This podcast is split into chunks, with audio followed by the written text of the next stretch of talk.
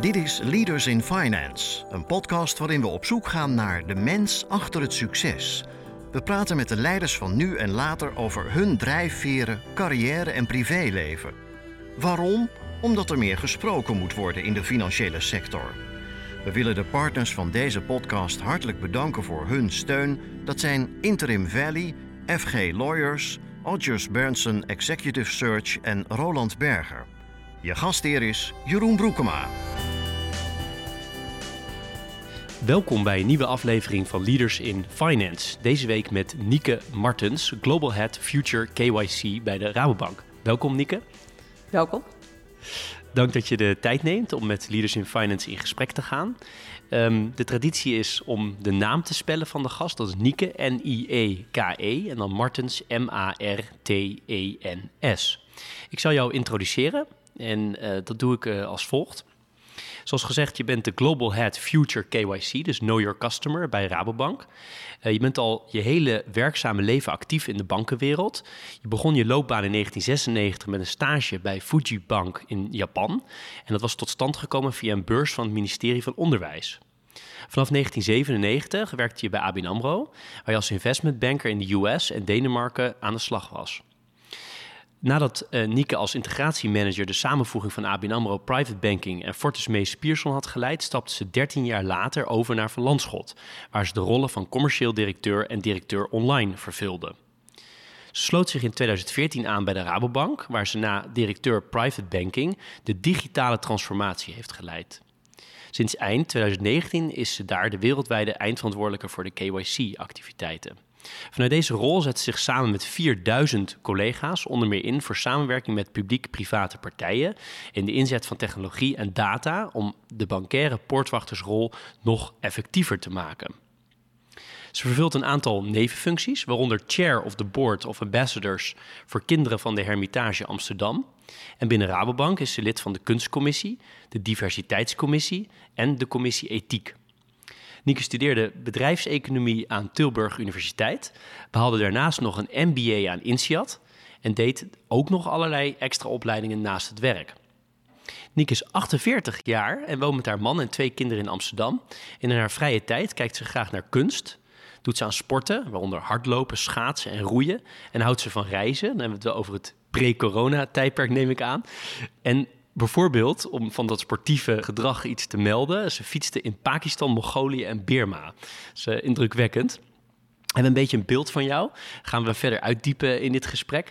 En ik wilde toch beginnen, gezien jouw functie over het, het witwassen en het uh, beleid en alles wat daar speelt in Nederland. Want dat is natuurlijk toch wel enorm veel aandacht krijgt het. En eigenlijk waar ik als eerste benieuwd naar ben, is waarom is het anti-witwasbeleid wat we voeren en hoe de banken dat doen, waarom is het nou eigenlijk zo belangrijk? Het tegengaan van witwassen betekent dat je de financiële ondermijning in Nederland ook tegengaat. En dat is echt een groot probleem. dus als je kijkt uh, naar de cijfers, dan wordt er elk jaar ongeveer 16 miljard wit gewassen in Nederland. Nederland is ook een heel erg aantrekkelijk land om wit te wassen. En dat heeft te maken met een aantal factoren, zoals onze goede logistiek. Die is niet alleen aantrekkelijk voor ons als burgers, maar ook voor criminelen. En ook onze liberale houding ten opzichte van prostitutie en softdrugs heeft ertoe geleid dat we echt een aantrekkelijk land zijn voor criminelen. En als je dat allemaal tegen wilt gaan, eh, dan spelen de banken een belangrijke rol in hun rol als poortwachter om ervoor te, om eigenlijk te voorkomen dat dat uh, zwarte geld in of wit wordt, dus in het legale circuit terechtkomt. Dus dat is waarom banken daar zo belangrijk in zijn. Ja, dat bedrag klinkt heel groot. En is, het, is dat ook een heel groot probleem voor de samenleving als geheel? Ja, want het, het, het is, dat witwassen zie je overal als je goed gaat, uh, als je goed gaat kijken. Dus we zitten hier uh, nou, in Amsterdam. Uh, als je hier in de straat kijkt, dan zie je al dat er best wel veel nagelsalons zijn. Ja, weet je, dat kan niet allemaal uit, bijvoorbeeld. Maar ook als je kijkt naar uh, nou, bijvoorbeeld de berichtgeving vanmorgen in, uh, in de kranten. Dus dat jongeren, en dat zijn echt jongeren van 12, 13 jaar oud, die worden gebruikt als geldezel. Die kinderen die weten dat dan uh, niet, maar die hebben vervolgens, kan het best wel grote consequenties hebben voor de rest van hun leven. Dus als je dan gaat kijken, zie je, ja, het zit door die hele samenleving. Dus ja, het is wel echt een ding. Ben je nou extra gemotiveerd in deze functie omdat het zoveel impact heeft op de samenleving dan bijvoorbeeld je vorige functies? Ja, ik zeg wel eens dat, uh, nou ja, ik, dat zei je al in de introductie. Hè? Ehm, ik werk dus sinds 1997 in de, in de financiële sector. En voor mij is dit een functie waar heel veel bij elkaar komt. Dus het is, het is de kennis van klanten en wat is typisch gedrag voor klanten en wat is afwijkend gedrag uh, van klanten. Ik zie ook heel veel overlap met uh, de rollen die ik heb gedaan in de digitale transformatie. Dus het goed gebruik van data en goed gebruik maken van technologie om te zorgen dat je, dat je eigenlijk die criminelen te slim af bent. En waar ik in mijn vorige functie er eigenlijk voor verantwoordelijk was dat klantreizen zo zo gemakkelijk mogelijk waren, kun je hem hier eigenlijk omdraaien en zorgen dat het uh, voor criminelen heel ingewikkeld wordt om hun geld wit te wassen. Maar dat principe erachter is, het, is hetzelfde. En doen we het goed in Nederland? Want um, we hebben ongelooflijk veel partijen die actief zijn in die hele keten van het witwassen. Het zijn de banken als poortwachter, het de, de toezichthouder, de strafrechtketen, nou ga zo maar door. Iedereen moet iets doen, maar als geheel kijkend. Dus niet per se de banken, maar het geheel. Hoe doen we het dan? Zijn we op de goede weg? Ik denk dat we heel erg moeten koesteren wat we hebben opgebouwd. En als ik, dan, als ik dat concreet maak, dan bedoel ik de samenwerking die we hebben in de publiek-private sector.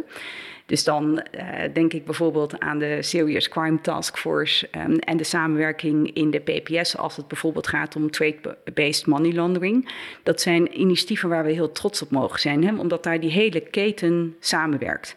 En dat is niet vanzelfsprekend. Um, dus daarmee lopen we ook echt wel voorop in de wereld. Een ander voorbeeld waar ik zelf ook uh, heel intensief bij betrokken ben geweest, is transactiemonitoring Nederland. Hè, waar we als vijf Nederlandse banken kijken hoe we de multibank alerts uh, eruit kunnen halen. Dus dat zijn alerts die je als bank zelfstandig niet kunt zien, maar door de gegevens uh, op gepseudonymiseerde wijze te combineren en, daar dan, en die vervolgens te analyseren, dan kun je daar wel patronen uithalen die je normaal niet zou kunnen doen. Dus we lopen voorop en tegelijkertijd, nou, ik noemde net dat, uh, net dat bedrag hè, van die 16 miljard. Tegelijkertijd is er ook nog echt heel veel te doen. Dus we zijn nog niet klaar. Maar is het nou heel praktisch gezegd, als ik crimineel ben in Nederland, moeilijker om wit te wassen dan in een ander land? Om het even zo te herformuleren, dezelfde vraag. Dat vind ik, dat vind ik een lastige vraag. Um, als ik terugga naar, uh, dus naar wat ik eerder zei, dan is het wel heel belangrijk dat we ons moeten realiseren dat we door een aantal. Ja, dat, dat Nederland gewoon echt heel aantrekkelijk is als land door bijvoorbeeld die goede logistiek. Dus we hebben bijvoorbeeld havens. Ja, er zijn ook uh, landen in de wereld die dat niet uh, hebben. De straffen voor nou, bepaalde straffen zijn hier minder um, hoog dan in andere landen.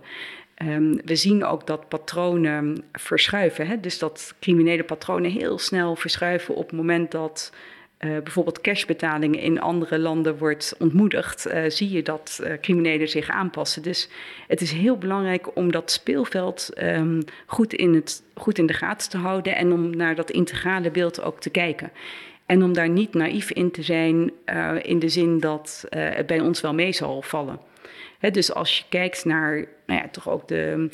Uh, dat is nu natuurlijk ook heel veel in de, in de kranten te lezen, hè, maar over alle drugslabs die worden uh, gevonden. Dat is geen toeval. Toen ik me wat meer ging verdiepen in de hele anti-money laundering wereld, ja? was een van de dingen die mij, die mij heel erg opviel, is die aantallen mensen die erin zijn gaan werken aan de, aan de bankkant. Ja. dus uh, de meningen die zijn er wat, uh, de, wat, wat verschillend over, maar het zal ergens liggen tussen de 7000 en 10 of 11.000 mensen die daar uh, nou, vrijwel volledig mee bezig zijn in hun, in hun takenpakket. Ja. Um, en dat is heel hard gegroeid. Dat waren er ja. vijf jaar geleden nog echt, echt een fractie daarvan. Is dat nou de oplossing, heel veel mensen? Het is een deel van de oplossing. Ik geloof zelf heel erg in de combinatie van hele goede samenwerking in de keten, dus de publieke en de private partijen. Ook het heel goed inzetten van data en artificial intelligence en de technologie. En ook het maken van keuzes. Dus uiteindelijk uh, ook keuzes maken om te zorgen dat we ons richten op de echte criminaliteit. En dat doen we bijvoorbeeld heel goed in de PPS'en, waar we heel erg kijken ook naar wat zijn nou de thema's die volgen uit de National Risk Assessment. En daar gaan we dan vervolgens op verdiepen. Want als je je niet focust, ja, dan, ja, dan ga je veel minder effect hebben. Dus je kunt beter uh, zeggen, ik pak een aantal dingen op en daar ga ik dan echt vol achter vanaf, het, ja, vanaf die uh, poortwachter tot en met de opsporing, dan dat je, dan dat je over, overal een beetje doet. Want dan ga je uiteindelijk niet het effect hebben. Maar verwacht je dan heel concreet dat, dat dit aantal mensen hier ongeveer gaat stoppen? Kan je er iets over zeggen? Je, je kan natuurlijk alleen maar voor jouw bank praten, maar je, je bent ook veel bezig met die andere uh, partijen in die keten. Uh, waar houdt dit op? Kan dit groeien naar 20.000 man, om maar iets te zeggen? Uiteindelijk is, um, is de vraag. Um, ja, het gaat. Het, kijk, alleen meer mensen gaat, niet, uh, gaat gewoon niet de oplossing uh, zijn. Meer mensen kan wel helpen. En ik denk ook vooral het bewustzijn in, nou, in de samenleving. Dus ook hè, die vraag die jij eerder stelde van hoe groot is dit probleem nu? Nog niet iedereen in Nederland heeft door dat dit echt een groot probleem is. Hè? Dus als je het hebt over know your customer en witwassen, denken mensen vaak aan iets van ja, dat heeft iets te maken met belastingontduiking. Nou, daar vinden we in Nederland iets van, maar dat vinden we ook niet per definitie altijd heel erg verkeerd. Hè? Dus dat, en we moeten gewoon laten zien dat, um, dat dit echt, uh, dus dat die financiële ondermijning van, het, van ons systeem, dat dat echt aan de gang is en dat dat ook echt ver, ja, vergaande gevolgen heeft voor de maatschappij. En vandaar ook de voorbeelden hè, van, ja, dit, het gaat over jonge kinderen, het gaat over mensen, het gaat om slachtoffers van, van mensenhandel, het gaat om drugsnaps. Het is echt criminaliteit met een grote C. Waar ben jij met name mee bezig op dit moment als het gaat om wat zijn, staat heel hoog op jouw agenda? Uiteindelijk zorgen dat we effectiever worden. En dat betekent ook dat je uh, meetbare doelen moet hebben. Hè? Dus inderdaad, um, die 16 miljard noem ik niet voor niks. Hè? Zodat we ook kunnen zien wat, wat halen we daar nou uiteindelijk van terug? Uh, hè? En ook de preventieve werking. Dus door er veel over te hebben en door ook de verhalen uh, te gaan delen, zorg je ook voor een stukje bewustwording. En ik geloof heel erg dat dat, uh, dat, dat ons gaat helpen. Um, nou ja, om ook die, om die financiële ondermijning opnieuw tegen te gaan. In mijn voorbereiding las ik op een aantal plekken, ik geloof ook op LinkedIn, als ik het niet uh, verkeerd heb, dat jouw soort van lijfspreuk is just do it. Um, wat betekent dat? Ja, uiteindelijk heeft hij best wel veel te maken met. Um, nou, ik heet Nieke, hè, zoals je al uh, zei. Dat spel je inderdaad net even anders. Maar uiteindelijk uh, is die naam wel ook uh, gebaseerd op, op Nike.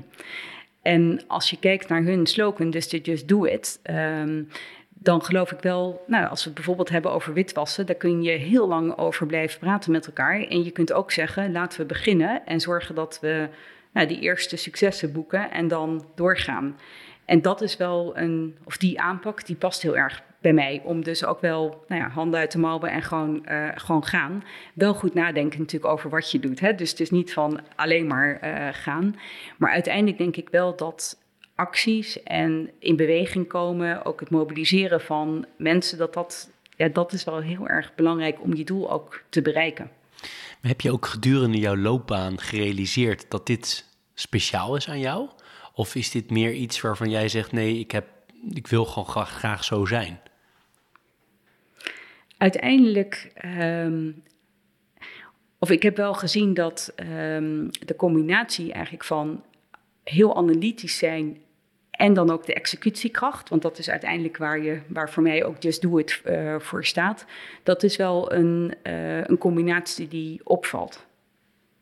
En dat is misschien, ik kan niet goed inschatten of dat, uh, of dat dus alleen in de bankaire sector opvalt of, of anders is. Maar je ziet dat er, of ik zie om me heen dat veel mensen um, heel veel lol hebben in, in puur de analyse. En ik wil ook het, het doen erbij. Dus niet alleen bedenken hoe het moet, uh, maar dan zelf ook gaan doen. En dan ook eigenlijk leren van wat, wat gaat er nou zoals je had bedacht. Uh, maar ook wat loopt er heel anders en waar moet je dan weer op bijschakelen. Dat, ik vind dat stukje heel leuk. Klinkt als ook extreem resultaatgericht. Ja, extreem.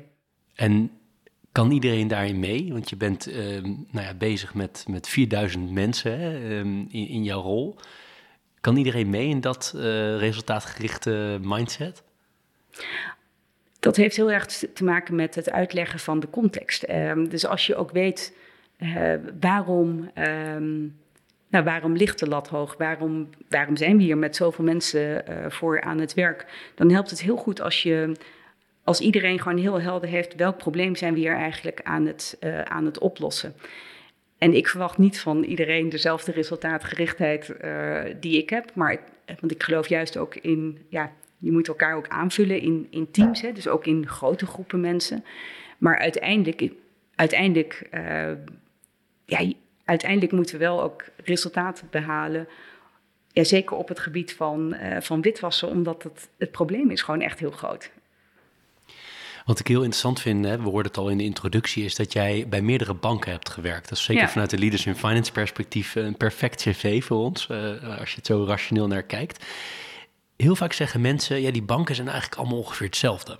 Maar jij hebt er dan uh, nou, drie echt goed van binnen gezien. Hè? En de andere, daar ken je mensen natuurlijk, maar drie heb je in ieder geval echt goed, goed gezien. Ja. Klopt dat? Ik zie wel verschillen tussen de, uh, tussen de banken, maar ik heb natuurlijk ook wel in verschillende fases in mijn uh, loopbaan bij verschillende banken gezeten. En ik zeg wel eens, ABN AMRO is mijn grote liefde geweest. Er was maar één bank, hè, de bank. Uh, ik heb daar letterlijk gesolliciteerd met, ik ben de student onder de studenten. Dat lijkt me een goede match voor de banken onder de banken. Nou, daar moest de sollicitatiecommissie destijds ook hartelijk om lachen. En dat mocht ik vervolgens uh, uitleggen waarom dat dan precies zo, zo was. Zo zag ik het destijds echt wel. Ik heb bij ABN AMRO ook echt wel ervaren um, wat de voordelen zijn van genoteerd zijn aan de beurs, maar ook wat de nadelen daarvan zijn. En dus ook het heel erg, of de grote nadruk op aandeelhouderswaarde, daar heb ik uh, ook echt wel de keerzijde van uh, gezien. En mijn overstap uh, naar Van Landschot, die had heel veel te maken met, um, ja, wat ik al zei, ABN AMRO was mijn grote liefde. Maar die liefde was er wel wat anders uit gaan zien na de overname. En dat was voor mij ook wel een moment om te zeggen, dan ga ik hier niet door. En na een bank die alles voor iedereen deed, vond ik de focus die Van Landschot bracht uh, heel erg prettig. Ik heb uiteindelijk wel gemerkt dat um, ik beter gedij in een grote, complexe organisatie dan in een redelijk overzichtelijke bank. Het grote voordeel van Van Landschot vond ik wel dat ik daar echt een allround bankier heb kunnen worden. Hè? Dus door, daar kon, zat ik bijvoorbeeld in de kredietcommissie en in de ALCO.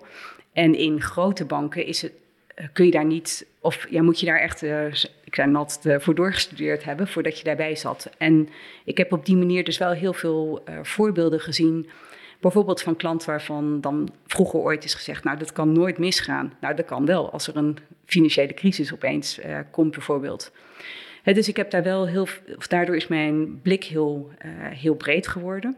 En uiteindelijk ik vind bij Rabobank het hele mooie. Um, ja, is toch echt wel die coöperatie hè? en growing a better world together. Dat past ook enorm bij de. Nou ja, als je bijvoorbeeld hebt over witwassen, denk ik ook dat het, dat het helpt um, als je dat maatschappelijk belang ook echt in je genen hebt, uh, hebt zitten. Dus voor mij is dat ook. Het is een bank, uh, maar wel met een andere achtergrond. En dat, uh, dat spreekt mij gewoon heel erg aan. Ja, mooi. En je benoemt een aantal dingen. Hè? Dus de, de structuur, hoe het is opgezet. Hè? De, de aandeelhouderskant, uh, ook de grootte van de organisatie. Ja. Als je kijkt naar de culturele kant, uh, trekt het een bepaald soort mensen aan de banken? Of, of zeg je nee, dat hangt toch echt alweer per bank af wat het aantrekt? Ja, het trekt wel een bepaald type uh, mensen aan. Hè? Dus wat ik zei, ja, analytische mensen. Ehm, maar ook binnen de... Ja, ook daar het hangt ook wel een beetje af van welk onderdeel van de bank je zit. Hè. Dus bij investment banking heb je een ander type mensen dan bij uh, retail. Um, en ja, ik denk dus dat die verschillen, uh, die zijn misschien wel groter dan de verschillen tussen de banken. Zo heb ik dat zelf in ieder geval ervaren. Dus het verschil tussen een onderdeel zijn van investment banking bij ABN AMRO um, met um, zeg maar, de retailorganisatie van ABN AMRO vond ik zelf groter dan het verschil tussen uh, ABN AMRO en Rabobank. Als we heel ver teruggaan, dus uh, weg van de Rabobank helemaal naar, jou, ja? naar jouw jeugd. Uh, kan je iets delen, wil je iets delen over hoe je bent opgegroeid? Ja, um, of zeker.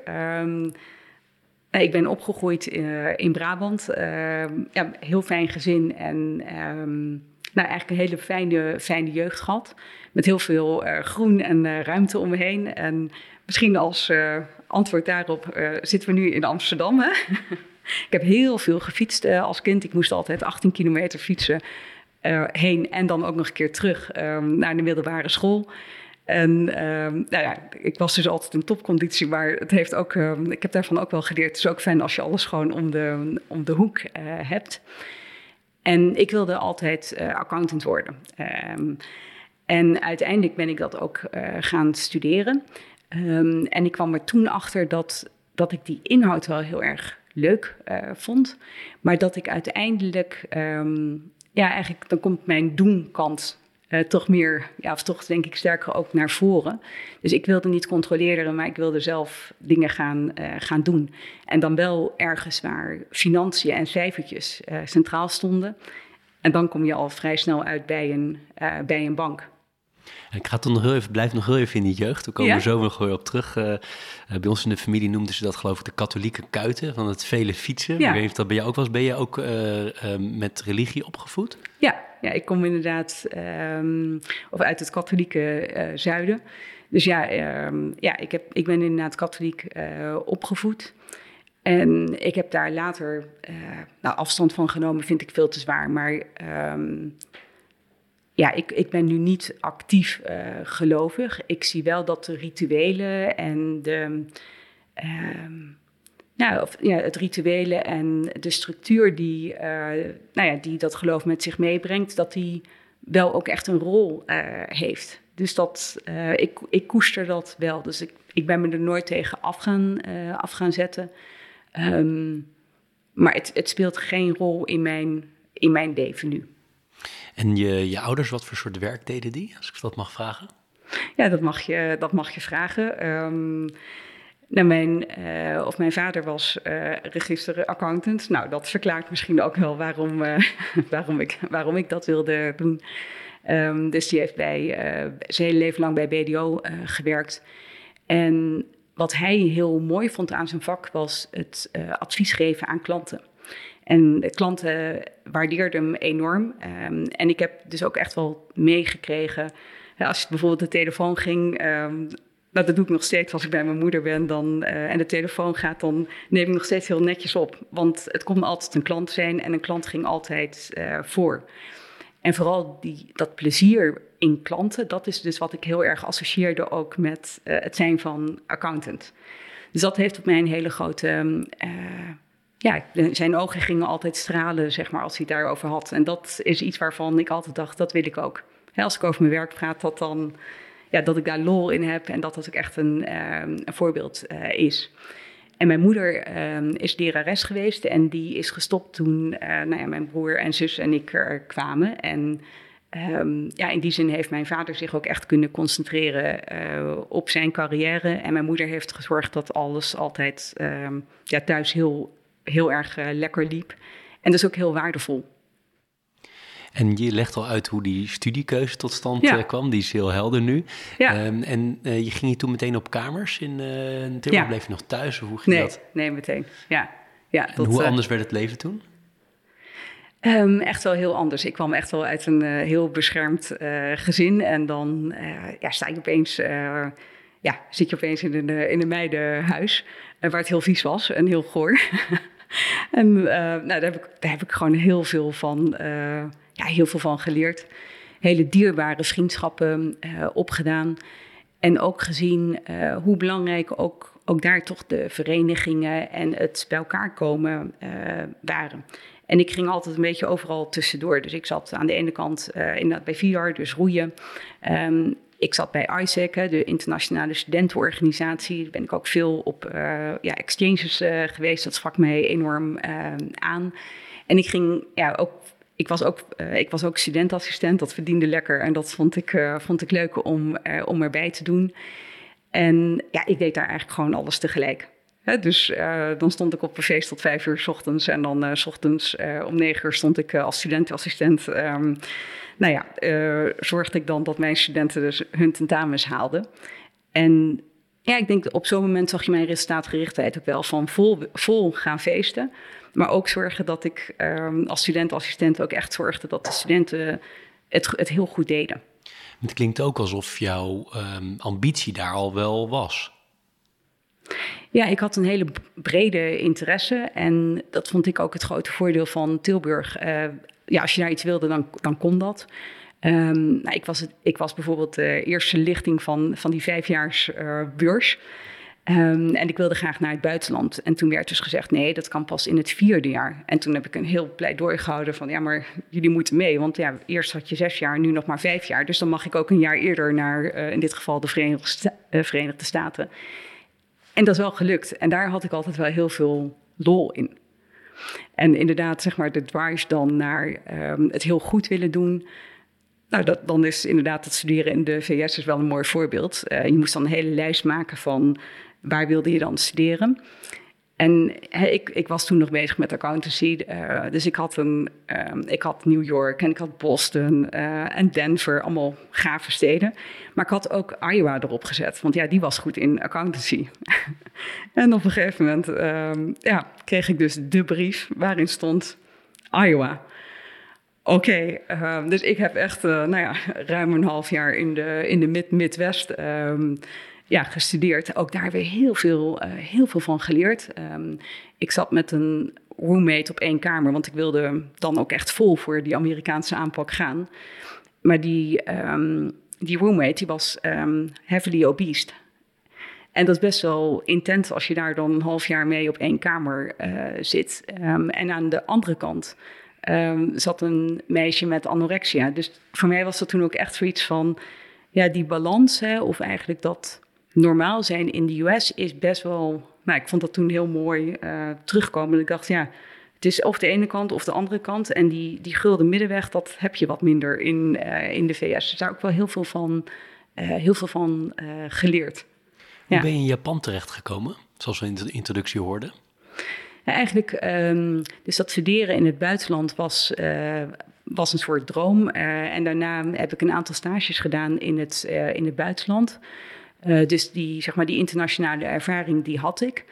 En um, ik wilde... Um, of ik had gesolliciteerd bij ABN AMRO, daar was ik ook aangenomen. Alleen ik vertelde al, ik was die eerste lichting van vijf jaar. En ik was relatief jong voor het klasje. En toen zei de recruiter daar van, joh, um, nou, je mag beginnen, maar ga nog even een jaar wat anders doen. Want dan anders val je wel heel erg uit de, uit de pas. En toen dacht ik, ja, oké, wat, ga ik nu, wat ga ik nu doen? Want ik ben nou niet echt iemand die uh, zichzelf met een rugzak uh, op in India, zeg maar, gaat uh, ontdekken. En toen zag ik in de krant een advertentie voor een, dat heet dan het Japans prijswinnaarsprogramma, waarin je een aantal maanden met een groep studenten in Leiden Japans ging studeren en dan uh, vervolgens negen maanden in, uh, in Tokio stage ging lopen. En toen dacht ik, nou, dat, uh, dat past wel, dat, dat wil ik wel. Dus toen heb ik gesolliciteerd en nou, door de selectie gekomen van Jo Ritsen was dat toen nog. En toen ben ik eens met een groep Japans gaan studeren en vervolgens ja, daar ook stage gaan lopen. Spreek je ook een beetje Japans? Hi, zo is. Ja, ja, dat, um, ja, en dat was ook echt wel de, de voorwaarde. Dus we hebben drie maanden lang heel, inten, heel intensief uh, Japans geleerd. En vervolgens ging je in Tokio ging je, uh, vier dagen werken en dan één dag in de week bij elkaar komen om ook verder te werken aan dat Japans. Heb je mensen uit die tijd, zeg maar uh, uh, nul tot, uh, tot Japan, zeg maar. Ik weet niet welke leeftijd dat precies was. Zo uh, een van mijn vorige gasten, Hans van Beuzenkom van de AFM, die deelde dat zo in van 0 tot 18 en 0 tot... Dus ik ben daar ook maar mee begonnen. Dus 0 tot Japan noem ik het maar even. Ja. Die heel cruciaal zijn geweest, los van je, je ouders en je, je directe familie. Waarvoor de keuze die je bent gaan, gaan maken. Dan begin ik toch bij mijn ouders. Dus mijn ouders hebben mijn nieuwsgierigheid, maar ook het de wereld ontdekken enorm gestimuleerd. Eh, bijvoorbeeld uh, door, uh, door tijdens mijn middelbare schooltijd door me op talenkampen te, te sturen. wat ik graag ook, ook wilde, even voor de goede orde. maar door daar dus kennis te maken met kinderen uit de hele wereld. Er ging een wereld voor me open waarvan ik dacht, oh, daar wil ik meer van, daar wil ik meer van zien. Um, ik denk ook wel de, zeg maar, de relatief kleine settingen waarin ik heb gezeten, zowel op de lage school hè, in een klein dorp in Brabant. Uh, vervolgens Stedelijk Gymnasium in Breda is ook allemaal klein en beschermd. Uh, Tilburg University is ook klein hè, in vergelijking met andere, um, ja, in vergelijking met andere universiteiten. Dus die, die omgevingen, dat, dat waren wel omgevingen waarin ik goed uh, gedijde. En als je bijvoorbeeld kijkt naar um, ja, het groepje waarmee ik de introductieweek van Tilburg heb gedaan, ja, dat zijn nog steeds hele goede vriendinnen die me ook uh, ja, van door tot door, uh, of die me ook door tot door kennen. En dat is, ja, dat is gewoon heel, heel waardevol. En ik denk ook dat stimuleren en niet afremmen, dat, um, ja, dat, dat zag ik daar ook echt wel. Maar als ja. het gaat om, om echt die keuzes, hè, om bijvoorbeeld te gaan studeren, dat kwam dan van je, met name vanuit je ouders waarschijnlijk, uh, zei je. Maar naar Japan of om uiteindelijk bij ABN AMRO te solliciteren, al die dingen, zijn er nog andere mensen geweest die cruciaal erin geweest? Of is het echt wel je eigen pad dat je altijd gekozen hebt? En wel heel, heel duidelijk een eigen pad. Uh, dat, vind, ja, dat vind en vond ik ook uh, belangrijk. Dus de ja, zelfstandigheid uh, en eigen keuzes maken. Ja, dat heb ik ook wel heel erg meegekregen uit mijn opvoeding. Dat dat ook belangrijk is om bewust keuzes te maken. En daar ook achter te gaan staan. En ook wel het punt, je hebt niks. Ehm, je moet het voor jezelf kunnen uitleggen. En daarnaast, ja, weet je, uh, mensen gaan altijd iets van je vinden en daar moet je niet te veel van aantrekken. Als je nu terugkijkt op, op jouw eerste vijf of tien jaar grofweg van je werkende bestaan, waar denk je dan, oeh, dat, toen was ik toch echt wel heel anders. Ik heb me sterk ontwikkeld. Um, even kijken hoor, want dat is, dat is al best wel een tijdje, een, best een tijdje terug. Um, dus ik ben in, dat was in 97. Um, ehm, ik denk met name het, uh, dus eigenlijk is de grootste stap dat ik toen heel veel dingen zelf uh, wilde doen. En ja, zelf ook heel goed wilde zijn. En uiteindelijk, als ik, als ik nu kijk, denk ik, ja, het gaat er veel meer om dat je met een groep uh, iets bereikt. En het gaat er niet om dat jij de beste analist bent, hè, wat ik toen heel ja, wat ik toen wel echt wilde, wilde zijn. Maar het gaat erom dat je samen, uh, dat je samen iets, iets oppakt. Um, en dat niet alleen jij iets ziet, maar dat, um, ja, dat je dat met een groep, ja, met een groep bereik je gewoon meer. Zonder dat dan heel vaag te, te laten klinken. Maar uiteindelijk is het dus eigenlijk, dus je gaat vanuit je eigen uh, ontwikkeling naar hoe krijg ik nu uh, een Rabobank mee, hoe krijg ik de samenleving mee. Hè? Dus daar ben ik wel groter gaan denken dan, dan ik toen deed. Iets anders wat ik met je wilde bespreken is, uh, ik ben zelf in zo'n traineeship begonnen bij, ja. ook bij ABN AMRO. En we hadden het er toen heel vaak over op, op borrels en in informele settings van, ja, wie, wie gaat er nou carrière maken bij ABN AMRO? Zo'n typisch zo'n zo, ja. zo praatje wat, wat startende trainees met elkaar hebben. Heb je, als je nu terugkijkt naar de mensen met wie je werkte in het begin, dat je dacht van, oeh, die die gaat echt carrière maken, dan wel binnen of buiten de bank. Maar die, daar zie ik echt heel veel talent in. Uh, of juist andersom, uh, zonder namen te noemen. Maar met andere woorden, kan je, kon je toen nog goed inschatten voor je gevoel? Ja, dat kun je wel. Ik denk wel dat je daar iets van kunt, uh, of dat je daar iets van terug kunt zien. Ik denk dat het ook best wel terug komt uit waar we het net over hadden. Dus waar komt die dwarf nou vandaan? Die heeft bij mij er altijd in, uh, ingezeten. Um, en dat sprong er toen ook al wel uit. Wel in een wat meer, uh, in een wat ruwere vorm, laat ik het dan zo zeggen. Maar dat viel wel, wel op. En ook bijvoorbeeld als ik kijk naar, hey, ik, naar mijn periode op INSEAD. Daar zit je natuurlijk ook met een grote groep getalenteerde mensen. En ook daar springen de mensen uit. En als ik dan ook terugkijk, denk ik, ja, dat, ja, dat kon je echt wel, dat kon je ook wel zien. Uh, maar dus ook de feedback die ik nu weer krijg. Ik denk, ja, eigenlijk niet veranderd. Het is alleen wat... Ja, je bent, je bent je bent wijzer geworden. Dus het is op een andere manier, met een andere intensiteit. Maar in essentie zie je, ja, dat vuur zat erin. En dat, dat zag je ook echt wel terug, uh, terugkomen. En lukt je dat ook in sollicitatiegesprekken? Ik ben heel anders aan gaan kijken tegen sollicitatiegesprekken. dus misschien is dat wel een mooie vergelijking. Dus destijds bij ABN AMRO wilde ik heel graag aangenomen worden. En tegenwoordig denk ik, kijk ik daar heel anders tegenaan. Dan denk ik, um, je boft als ik, bij je, als ik bij je kom. En laten we vooral kijken, wie heb je nodig? En ben ik dat dan? Want wat je inderdaad ook aan het begin al vroeg... Um, ik weet dat ik intens ben. En dat kan heel goed werken in een bepaalde setting. En in andere settings niet. En dan gaat het ook geen succes worden. En daarvan denk ik ook altijd wel. Het is eigenlijk een. Ehm, ja, het, het, zijn ook puzzelstukjes die op het juiste moment bij elkaar moeten, moeten komen. En met de jaren ben ik ook heel erg gaan geloven in ja, verschillende periodes vragen ook om ander leiderschap. En als werkgever, als het gaat om het, je hebt heel veel mensen ehm, aangenomen. En dus nog veel meer sollicitatiegesprekken gedaan. Hoe ver kan je daar naar eigen gevoel goed inschatten of iemand het goed gaat doen in die context voor die specifieke rol in dat team? Een aantal dingen kun je er altijd wel uithalen. Hè? Dus, uh, ja, dus een bepaalde. Ja, voor mij is het, is het nieuwsgierigheid, uh, maar ook hoe staan iemands ogen, ehm, wat voor vragen stelt, uh, stelt hij of zij. Um, ja, daar kun je echt wel veel uit uh, uithalen. En ja, het is ook ver om te zeggen, je kunt het niet altijd goed zien. Um, als iemand bijvoorbeeld vanuit een andere sector naar een bank komt, kan dat heel goed uitpakken. En soms pakt dat ook echt totaal verkeerd, totaal verkeerd uit. En dat zie ik nu ook met, met Know Your Customer. Het, dus daar halen we ook mensen vanuit verschillende vakgebieden naar ons toe. En de ene keer pakt dat heel goed uit, en de andere, andere keer niet, omdat ja, die setting waarin je werkt met toch ook behoorlijke druk en iedereen die met je meekijkt, dat moet je ook wel uh, liggen. Daar moet je ook lol in, in hebben. En voor mij is inderdaad de drijfje heel erg hè, dat verschil maken in Nederland. Dus daar haal ik mijn energie uit. Maar deze, de setting vraagt wel echt ook om uh, die balans van energie geven en, en ook weer ervan krijgen. En als dat niet in balans is, dan, dan hou je het gewoon niet vol. En waar let je nou heel concreet het meeste op in sollicitatiegesprekken? bij mensen? Wat, wat wil jij graag zien? Of waar denk je, waardoor jij door getriggerd dat je denkt, dit is iemand die gaat passen? Nieuwsgierigheid. En de wil om te leren. Dus um, ja, en dat. Ik geloof ook heel erg dat, um, het, dat uiteindelijk de. Uh, of iemand wel of niet succesvol gaat zijn, heeft denk ik ook heel erg te maken met um, naast wat, wat kan je, wil je het.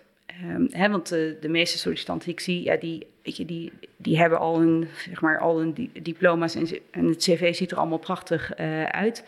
En dan is het heel erg, wat wil je nou zelf en wat drijft je, wat drijft je nu? Ja. En voor mij is relativeren daarbij ook wel een hele, een hele belangrijke. Hè? Dus dat is denk ik ook wel wat ik eerder omschreef als, het gaat niet zozeer om om mij. Het gaat om die grotere groep en die in beweging krijgen. En dan helpt het als je, ja, als je in die zin jezelf uh, niet al te belangrijk vindt. Ik denk dat dat, ja. En voor mij is dat, um, dat is misschien ook wel goed om te, om te delen. Um, ik heb die, voor mij is dat best een harde les uh, geweest. Ik heb een uh, zwaar ongeluk gehad in die periode dat ik eigenlijk naar Japan ging. En van de ene dag op de andere dag, nou, ik vertelde net iets over mijn jeugd, hè, dus ik had een hele, ja, eigenlijk hele makkelijke jeugd. En van de ene op de andere dag lag ik opeens op de intensive care zonder dat ik daar iets aan had kunnen doen. En dat heeft me wel heel erg geleerd dat um, sommige dingen in het leven kun je, kun je beïnvloeden en andere dingen kun je totaal niet beïnvloeden. En van de ene op de andere dag was ik dus um, juist, uh, nou ja, juist als studenten voor wie onafhankelijkheid zo belangrijk was, was ik super, super, super afhankelijk. Ik kon echt helemaal niks bewegen. Ja, ik, ik, was er gewoon echt wel slecht, uh, slecht aan toe. Want wat was er gebeurd? Uh, ik had een, of een auto, of de bestuurder van een andere auto had hard gereden en was op de verkeerde weg, of helft van de weg terechtgekomen. Waardoor um, ja, die is frontaal gebotst. Um, nou ja, dus ik heb in plaats van dat ik naar Japan zou gaan, want dit was de, het was de avond voor ik naar Japan zou gaan, heb ik drie maanden in een ziekenhuis gelegen. Dus dat was, um, ja, dat was gewoon intens. En ik heb uit die periode inderdaad geleerd, uh, of de, het stuk van je leven wat je kunt beïnvloeden, dat beïnvloeden. Maar ook accepteren dat er dingen altijd zullen gebeuren waar je niks over te vinden hebt. En dat was best een moeilijke les. Dat vond ik ook lastig. Ik heb me daar ook lang tegen verzet. En eigenlijk op het moment dat ik dat ging omarmen en ook dacht: hé, hey, ik heb hier volgens mij echt wel wat van geleerd. Um, ja, toen merkte ik dat ik ook echt hersteld was. Maar dat was wel zeven jaar later. Dus echt, echt een periode um, uh, later. ja. Maar zie je dat dit moment, wat zo cruciaal is, ook echt nu, zo, zoveel jaar later, als iets wat dus ook waarde heeft gehad voor jou? Hoe, hoe raar dat is ook om te zeggen, want hoe, je, hebt natuurlijk, je zou dit nooit willen hebben, mee, willen Nee. hebben meemaken. Maar kan je er zelfs zo naar kijken dan nu? Ja, dat, eh, ja, ik, ja, ik moet daarbij wel de, de opmerking inderdaad. ehm, kijk, wat ik, als ik zelf terugdenk, dan denk ik: oké, ik, had het on- ik had het ongeluk gehad. En ik dacht: ik ga gewoon zorgen dat ik terugkom naar de oude Nieke. En wat ik me gaandeweg ging, eh, ging realiseren is, dat kan helemaal eh, niet. Ehm, hè, dus ehm, ja, ik, ik ben anders geworden. Ehm, ik, heb een, eh, nou ja, ik had heel veel breuken, eh, nou ja, littekens in mijn gezicht. Ehm, ik zag er gewoon anders uit. Ik kon dingen niet meer die ik eerst wel kon. Ehm, dus dat, dat eigenlijk dat streven naar ik ga terug, eh, dat, dat was helemaal niet mogelijk. En nu bijvoorbeeld met ouder worden, denk ik, ik heb die behoefte ook helemaal niet. Dus ik ben, grijs aan, eh, ik ben grijs aan het worden. Ik vind prima. Ik ga mijn haren niet kleuren omdat ik ouder aan het worden ben. Dus dat is denk ik ook dat accepteren van... oké, ik ben iemand anders geworden en laat ik dat nou koesteren... in plaats van heel erg vasthouden aan iets wat ik was. Wat, wat ik dus wel een periode heb gedaan. En dat is bijvoorbeeld wel een heel belangrijk inzicht eh, nu. En dat, ehm, ja, nou ja, wat ik al zei, nu ik ouder word, denk ik, oh, ik ga me daar niet tegen verzetten. Ik ga dat gewoon, ik ga dus ook niet terugkijken. Ik ga juist vooruitkijken naar wat heeft het me ook, ook gebracht. Mooi hoe je het vertelt, ook mooi hoe open je erover bent. En Ben je dat altijd geweest hierover? Of had je in het begin, ik vertelde het helemaal niemand? Nee, ik wilde per se niet het meisje van het ongeluk eh, zijn. En dat, ehm, dat, heeft best lang, dat heeft best wel lang eh, geduurd. Ja. En dat was denk ik ook wel omdat het zo eh, fysiek was. Dus ik, ik heb een periode in een rolstoel gezeten. Ik had echt hele, nou, echt zware littekens in mijn gezicht. Ik moest met krukken, of daarna met krukken. nou ja. Dus het was echt nogal. ehm, het was echt heel erg zichtbaar. Ehm, en dat vond ik heel vervelend. Dus ook het staren bijvoorbeeld als je in de, in de, in de tram zat. Hè, dan gingen mensen je aanstaren van wat is er aan de hand. Dus ik heb dat een tijdje als het ware weggestopt van ik wil dat niet zijn. Ehm, ja, en ook mensen er, ik wilde het er ook gewoon niet over hebben. Ik wilde terug naar wie ik was. Hè? Dus dat is, dat, dat is wat ik bedoelde. En tot ik ging zien, ja, dat, dat kan helemaal niet. En ehm, ik wil dat ook niet meer.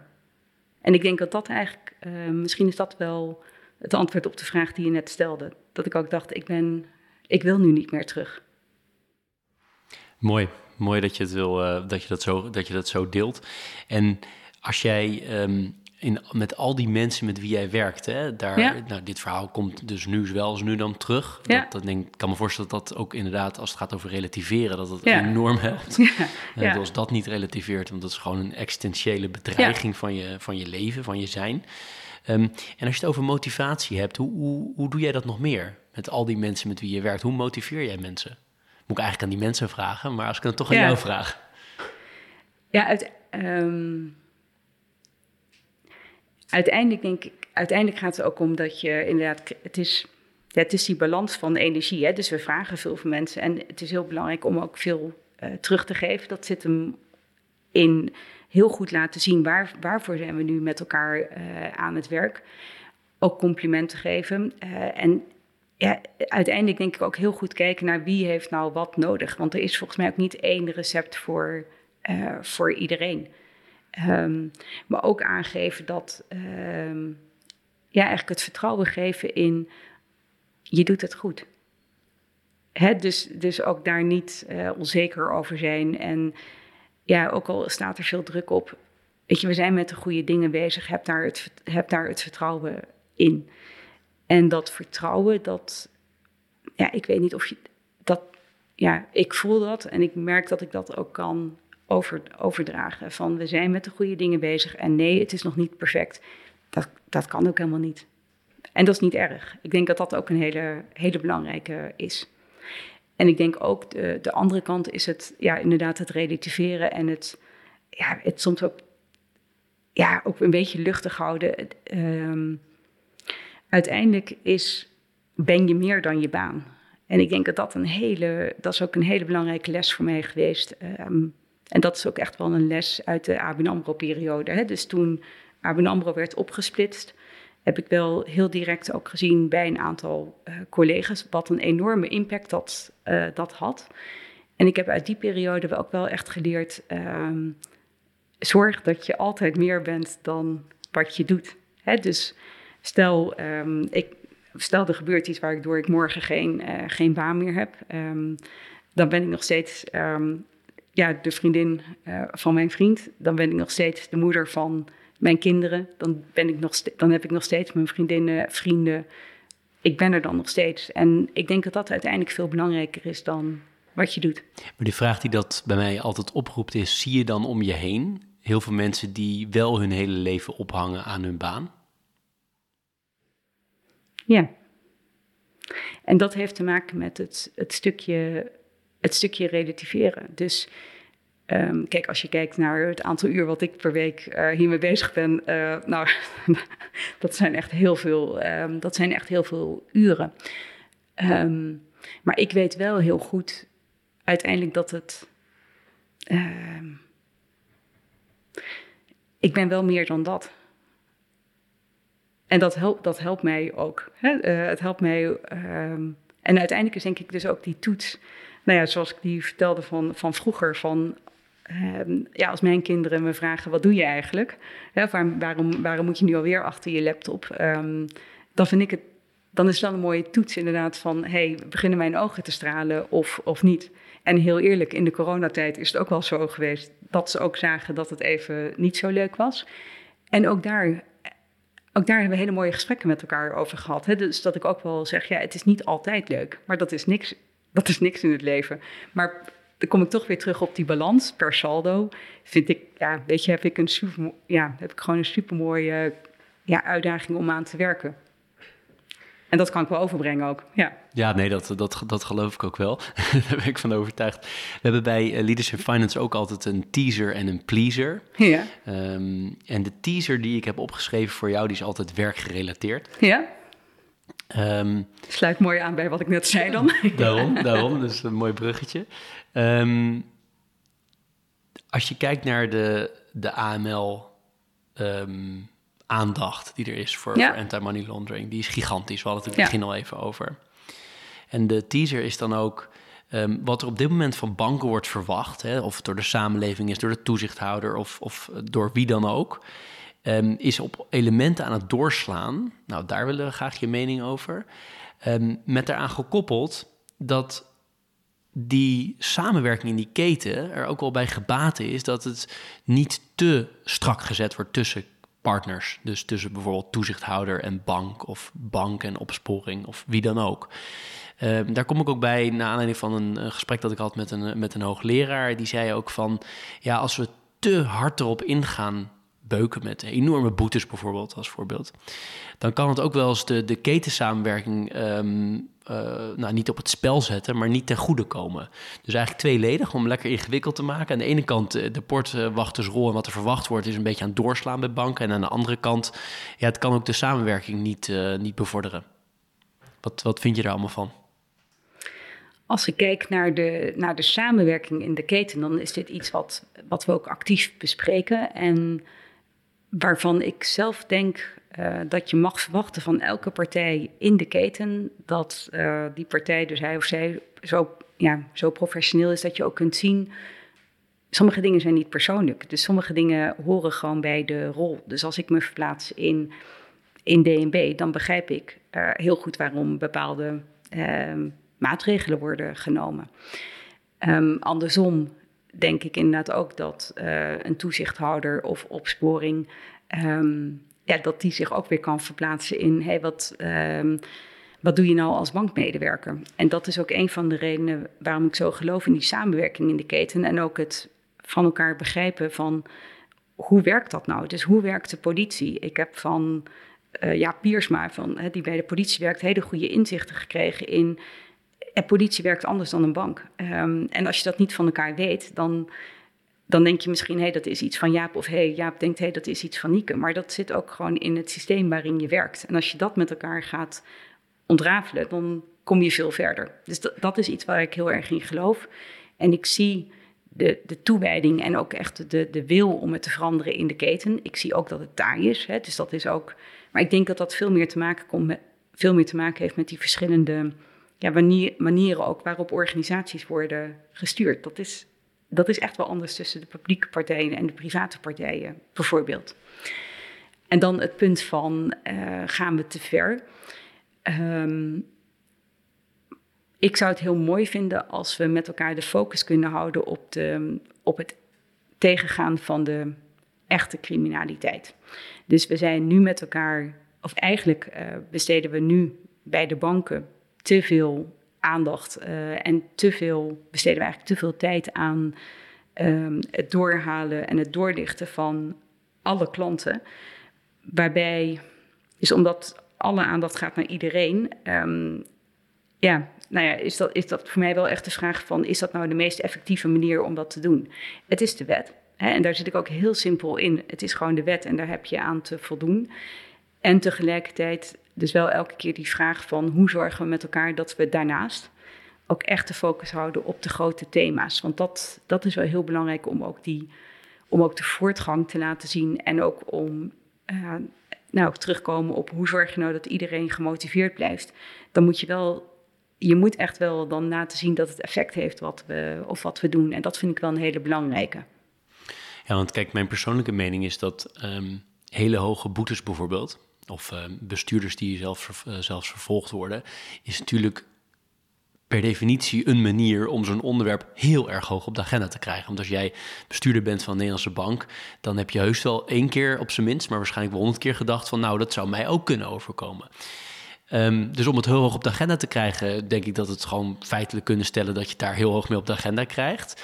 Maar ik denk ook wel, dat zit natuurlijk een beetje achter deze teaser, dat als je dat te lang en te intens gaat doen, dat er ook wel zo'n houding komt van ja, hey, zijn we dit nou samen aan het oppakken? Uh, met z'n allen in die keten? Of zijn we eigenlijk toch uh, het gewoon aan het, uh, ja, met, bijna vier aan het opleggen? En daar geloof ik die, hoogleraar die ik aanhaal ook wel in, dat, dat je daar, daarin zou kunnen doorslaan. Ik denk zelf, um, dus misschien ga ik ander antwoord op jou, uh, of andere manier van antwoord geven op jouw vraag. Angst is nooit een goede raadgever. En ik denk dus dat we met, daarom begon ik net ook over vertrouwen. Uiteindelijk is, is dat wel heel erg belangrijk. Dus als we ons gaan laten leiden door angst, gaan we niet verder komen. En we moeten het vertrouwen hebben dat we de juiste dingen doen. En ook dat, we, dat er altijd dingen tussendoor zullen glippen in deze fase. En dat is iets wat we zullen moeten accepteren. En ik denk inderdaad wel dat dat. Um, ja, dat is, dat is wel een belangrijk punt. Want als, nogmaals, als die angst uh, erin komt, dan ja, dat gaat ons gewoon niet verder brengen. Dan aan de pleasende kant. Uh, luchtiger. Uh, en dat is altijd dezelfde bij nu al bijna 60, um, of geloof ik 60 gasten. Namelijk heb je bepaalde boeken die jou geïnspireerd hebben, of boeken die je graag geeft, of anderszins boeken. Nou, als het gaat om, uh, om het witwassen, dan zou ik uh, Nederland Drugsland van Pieter Tops en Jan Tromp willen aanbevelen, omdat hij heel goed aangeeft wat nou die effecten zijn van de financiële ondermijning in Nederland. En dat is op een lekkere manier opgeschreven. Je, je hebt hem een avondje uit en dan heb je een goed beeld van waar zijn we nu mee bezig. En als ik hem breder trek, dus als het gaat om uh, mijn leven, dan is een boek waar ik veel aan heb gehad is een, is een oud boek, uh, Tuesdays with Maury. Bij, of die, en dat is geschreven door Mitch Albom. En dat gaat heel erg over um, ja, iemand die terugkijkt op zijn leven en die daar een aantal lessen uit, uh, uit deelt. En ik, ik zal niet alles verklappen, maar het relativeren uh, en het reflecteren is iets wat ik heel bewust ben gaan doen na het lezen van dit boek. De andere vraag die ik uh, nu ook al 60 keer heb gesteld is: um, heb je bepaalde tips voor mensen die nu aan het begin van hun carrière staan?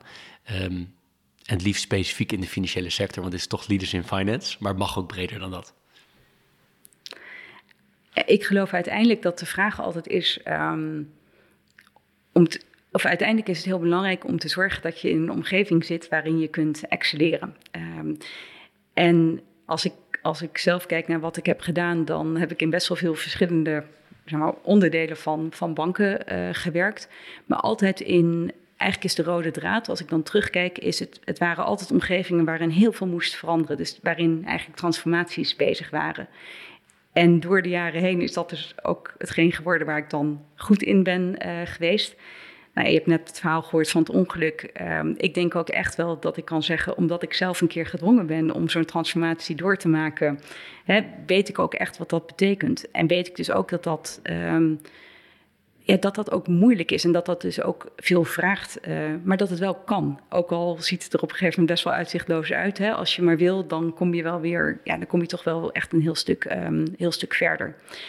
En uiteindelijk altijd de vraag van, is dit een omgeving waarin het goed ga doen? Of is het een omgeving waarin ik echt ga ja, excelleren?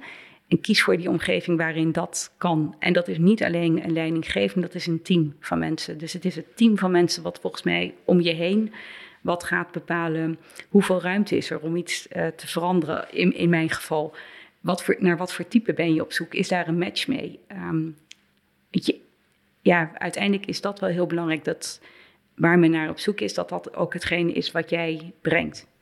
Ben je ook mentor van jonge Rabo-mensen, uh, ja. Rabo-medewerkers, ja. collega's? Ja, dat is ook superleuk om te doen. Ja. Ja. En wat valt je op bij die mensen die, uh, waar je uh, mentor van bent? Wat voor soort dingen? Zijn er vaak zijn er terugkomende thema's? Ja, wel het, het thema van de lat extreem hoog voor zichzelf leggen. Dus alles perfect willen, willen doen. En dan ook wel de, ja, het is voor het ontspanning als ik dan zeg, joh, maar ik weet niet wat jullie denken, maar hier gaan ook wel eens dingen uh, niet lekker, hè? Even, um, het is natuurlijk niet zo dat alles. En ik denk ook wel, het is denk ik ook wel het inzicht. Um, ik vind niet dat alles perfect hoeft, hoeft te gaan. En dat is dus eigenlijk heel, dat is heel waardevol. Dus inderdaad, hè, als, je, um, als je wil dat alles in het leven perfect gaat, dan ga je heel vaak teleurgesteld, teleurgesteld uh, worden. En als je denkt, hé, hey, dat hoort erbij en wat kan ik ervan leren? Dan heb je een hele andere, krijg je denk ik ook een andere blik. En dat, is, dat zijn vaak wel waar de rode draden waar het over gaat. Dus die, die lat, hele hoge verwachtingen van zichzelf en van omgeving. En dan ook wel, maar waarom dan? En daar is vaak nog niet zo'n mooi antwoord op. Het gaat ongetwijfeld ook wel over uh, hoe je werk en privé combineert. Hoe, ja. hoe doe jij dat en hoe heb je dat altijd gedaan?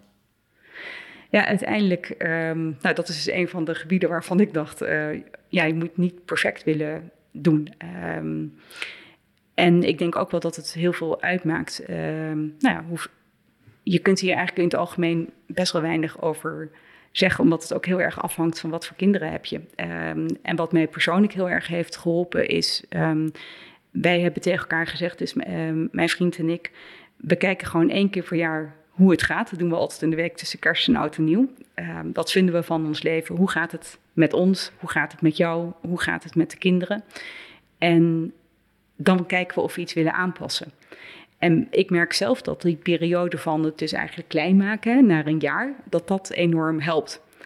En dat is er eigenlijk ingekomen omdat toen ik, uh, nou, we hebben in korte tijd twee kinderen uh, gekregen. En toen vroeg iedereen de hele tijd, ja, maar blijf jij dan vijf dagen werken? Um, en toen dacht ik, uh, ja, zolang dat goed gaat, uh, ja. En zolang wij allemaal lekker gaan, doe ik dat. Ja, maar dan moeten je kinderen vijf dagen naar de crash. Ja, ja oké, dat kun je ook anders oplossen. Of tenminste, dat konden wij. Um, maar toen heb ik ook wel geleerd van, oh ja, als we nou gewoon periodiek kijken, hoe gaat iedereen? Ja, dan... Um, dan leg je ook niet zo vast. En dat geeft mij heel veel ruimte in mijn hoofd om te denken: dit hoeft niet altijd op deze manier. Er, je kunt het altijd weer aanpassen. En ook heel belangrijk, het is een keuze. En dat is super luxe om dat te kunnen zeggen. Dat realiseert me ook heel erg.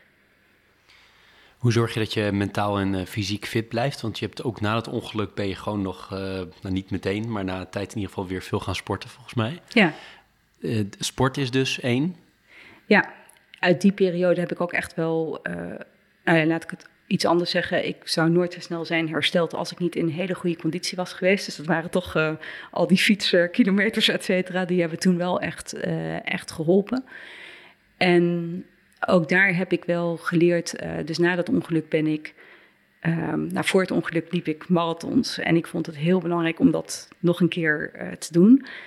Dat is gelukt. Um, nou, dat is een van de meest uh, ja, mooie momenten. Welke ook marathon was dat? Boston. Boston. Ja, en dat is er ook eentje die je snel moet lopen. Dus um, nou, dat was echt wel, een, echt wel een ding. Tot ik ook daar zag, ik heb het niet meer te bewijzen. Weet je, ik kan het, uh, maar het is eigenlijk gewoon niet zo goed voor mijn lijf. Na alle breuken en alle, nou ja, al het gedoe. Um, dus laat ik dat nou niet doen. Dus laat ik gewoon uh, op een normale manier sporten, zonder dat het ook weer een prestatie um, wordt. En op dit moment um, loop ik veel met, uh, ja, met mijn zoontjes. Dus dat, ja, dan ben je buiten en ik hoor wat er bij hun speelt. En ik merk dat het voor mezelf ook goed werkt om, nou, even die, nou ja, ook om even onderscheid tussen werk en uh, dan privé te brengen. En misschien is nog wel een laatste om ook. Ik heb eigenlijk dat onderscheid ook best wel losgelaten. Dus het is hè, waar ik vroeger echt wel dacht, ja, ik wil dat gescheiden houden, denk ik nu, ja, dat gaat ook helemaal, dat gaat helemaal niet. En als ik het loslaat, loopt het eigenlijk een stuk makkelijker. Mooi, mooi.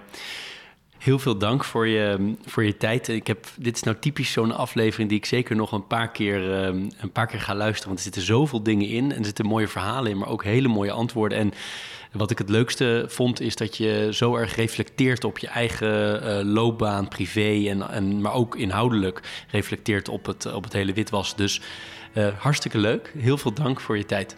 Ja, heel graag gedaan. En dan rest mij alleen nog te zeggen dat uh, met dank aan Bloemon jij een klein cadeautje krijgt voor al die tijd die je erin hebt uh, gestoken. Dankjewel en dat hoeft uiteraard totaal niet.